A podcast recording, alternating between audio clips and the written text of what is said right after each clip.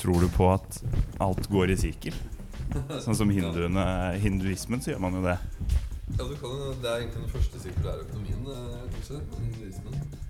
De grunnla det, på en måte. Ja, ja det, det er kanskje å dra det langt. Men uh, De tenkte i de baner først, i hvert fall. natur var jo først Eller det er vel noe et av poengene. At det Sirkulær økonomi handler jo egentlig om å gå tilbake til naturens prinsipper, på en måte. Der den enes avfall skal være den nestes mat. human influence has warmed the atmosphere, ocean, and the land. A code red for humanity. How dare you! Climate change is here now. Store nedbørsmengder har ført til flom. Global oppvarming er en avgjørende årsak. FNs nye klimarapport advarer mot menneskeskapte klimaendringer. Klimaendringer.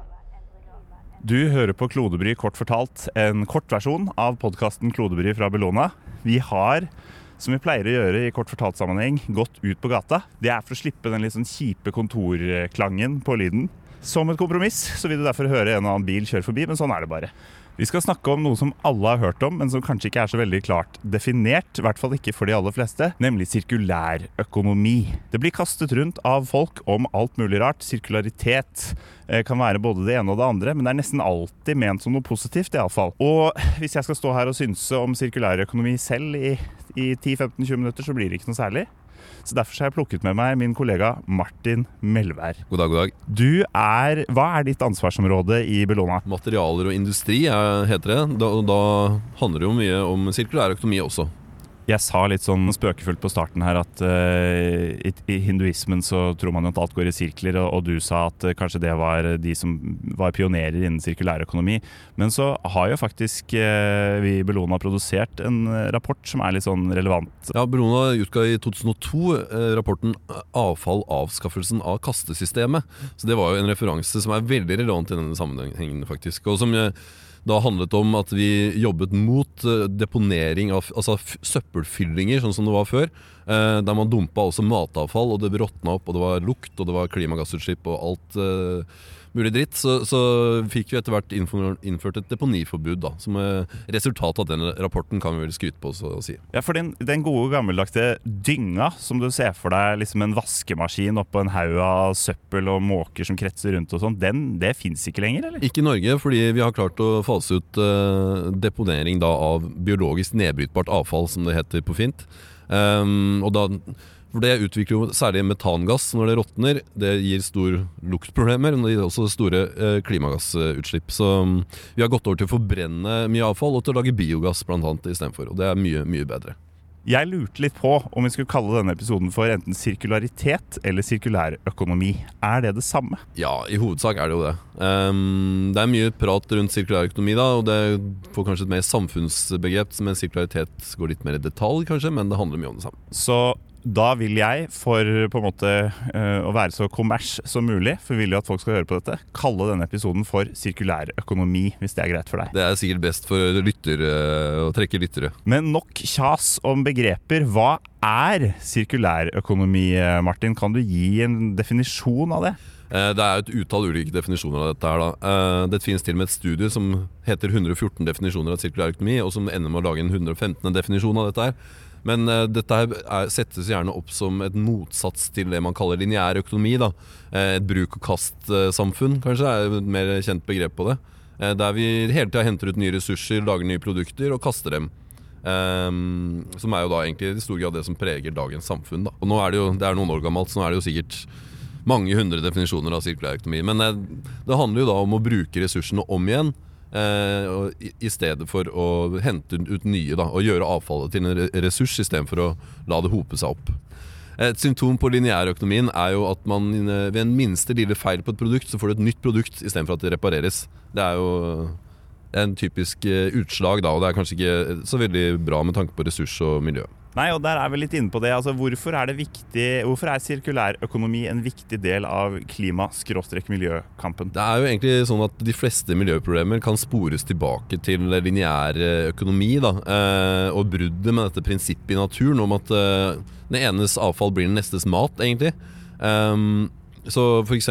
plast- og miljøproblemene handler jo om at det hoper seg opp i naturen. Eh, plasten brytes ikke ned, blir der i hundrevis av år, ender i, på, eh, i ma magen på en hval gjerne, og blokkerer systemet og, mye andre ting. Eh, det samme med miljøgifter. Og når du tenker på klimaproblemet, så handler det også egentlig om en opphopning av CO2 i atmosfæren. Så det er på en måte dette med at vi hele tida må hente ut nytt, og får store avfallsproblemer i andre enden da, i, av ulik art. Så, sånn sett så handler løsningen sirkulær økonomi om å det motsatte, å gjøre avfall til en ressurs. Da må vi hente ut mindre. Da får vi også mindre av disse problemene med avfall som hoper seg opp. Men hvis man ser litt sånn stort på, stort på det altså Jordkloden er vel meg bekjent et lukka system. Det forsvinner ikke ting inn og ut av atmosfæren liksom ut i verdensrommet veldig ofte. Bortsett fra et og annet romfartøy som vi har sendt opp spesifikt for det formålet.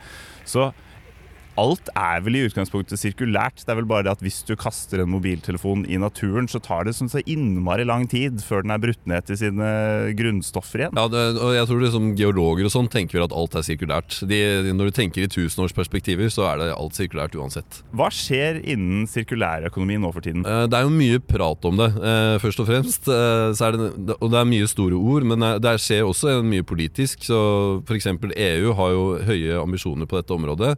Mer aktuelt enn noen gang pga. korona og, og krig, eh, som gjør at eh, vi er pressa på en del ressurser. Og innser at vi er veldig avhengig av import, f.eks. fra Kina.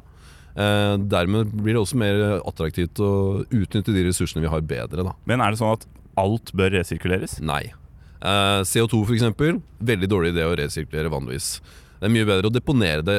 Så der, der er det faktisk deponering en veldig bra miljøløsning, da. Ja, det er da vi snakker om karbonfangst og -lagring, ikke sant? Ja. Og Det er da i motsetning til at noen mener at vi kan resirkulere CO2 ved å putte det inn i nytt drivstoff på en eller annen måte. ja. Og det finnes mange kreative modeller på hvor miljøvennlig det skal være, men da bruker du jo enorme mengder fornybar strøm vanligvis, og før du bare dumper CO2-en i atmosfæren igjen uansett. Ja, Du bare gir CO2-en en ekstra runde på en måte før den forsvinner ut i atmosfæren likevel. Ja, Snylter på masse grønn strøm på veien. Men hva handler debatten rundt sirkulærøkonomi om? Det, på detaljnivå så handler det jo om f.eks. skal man ha en avgift på forbrenning av avfall. Ehm, vil det gi økt resirkulering? Eh, og så er det stemmer for og mot det. Ehm, så det er mange sånne type detaljspørsmål. Hvordan får du utnytta matavfallet vårt best? Skal du få larver til å spise det så vi kan lage fiskefôr, eller skal du lage biogass, eller kanskje begge deler? Eller, ja, det er mange, det er på detaljnivå er det mange sånne debatter, da. Hvordan er vi i Bellona generelt, og du spesifikt, involvert i det som har med sirkulærøkonomi å gjøre? Altså, vi jobber jo med mange partnere i industrien om å identifisere og utvikle eh, sirkulære løsninger. Vi har f.eks. hatt et stort prosjekt gående med eh, mange havbruksaktører som heter Råvareløftet. Som, eh, som det kanskje finnes mer podkastinformasjon om. Absolutt. Hvis du sjekker i podkastkartoteket, så er det så opptil flere, som folk sier. Dårlig uttrykk. Opptil flere episoder som har noe med det å gjøre. Men altså innen lakseoppdrett, ja. Ja, for da handler det om å finne nye fôrråvarer til laksen, eh, så vi slipper å være så avhengig av soya fra Brasil. Og da er f.eks.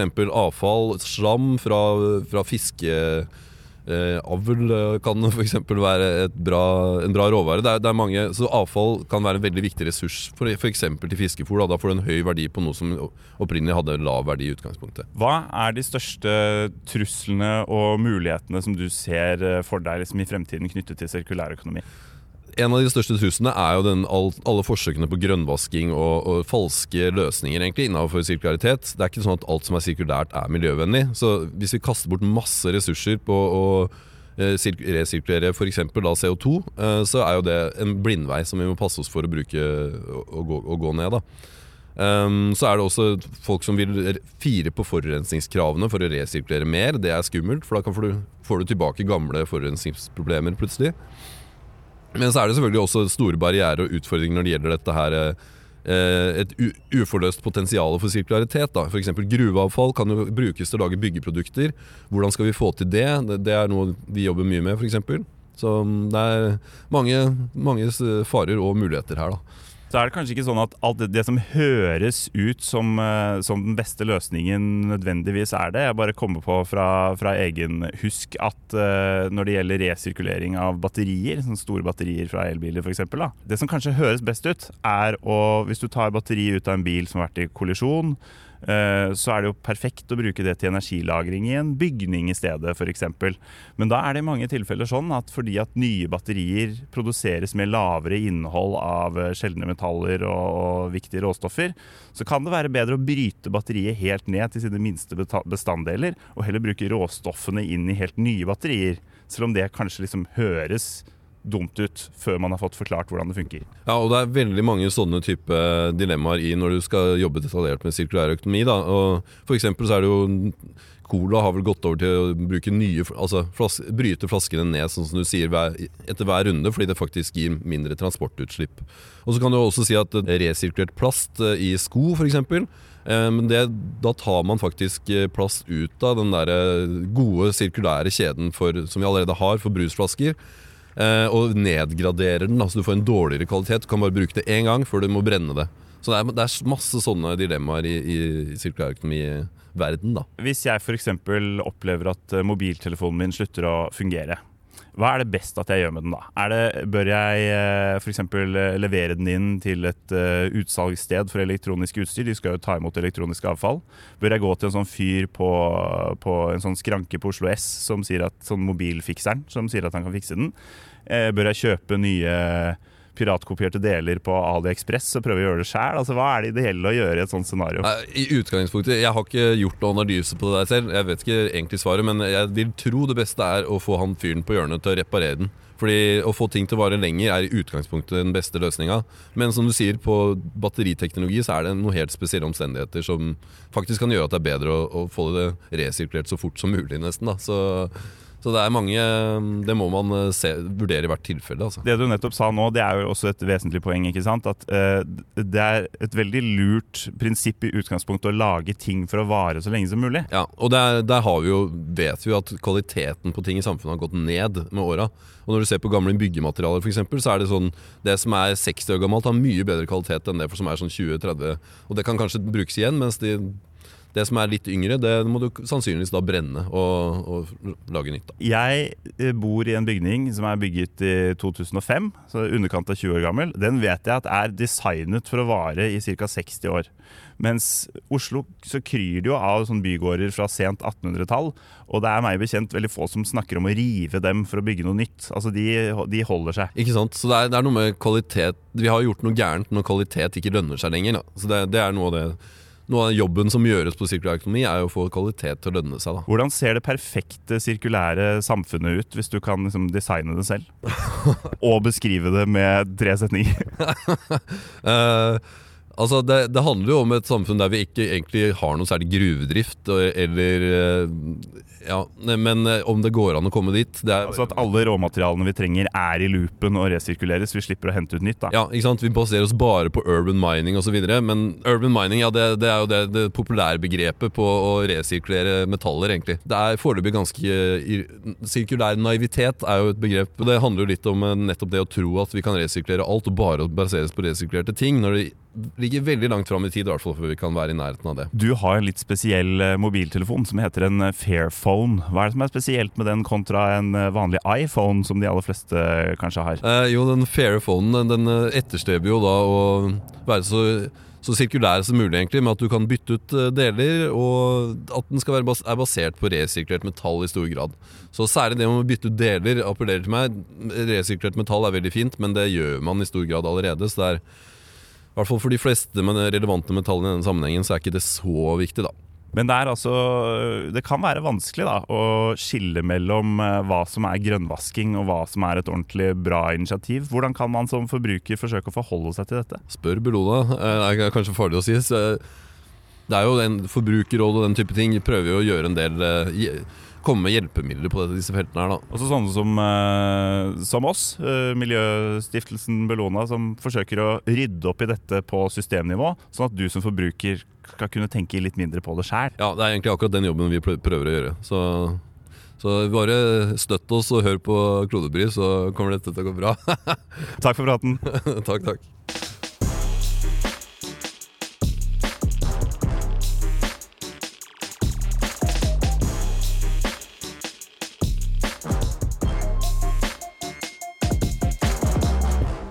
Det var nok en episode av Klodebry kort fortalt, som er kortversjonen av podkasten Klodebry fra Bellona. Sjekk oss ut i din podkastspiller. Vi har masse spennende episoder om ting og tang knyttet til klima og miljø i podkastarkivet vårt.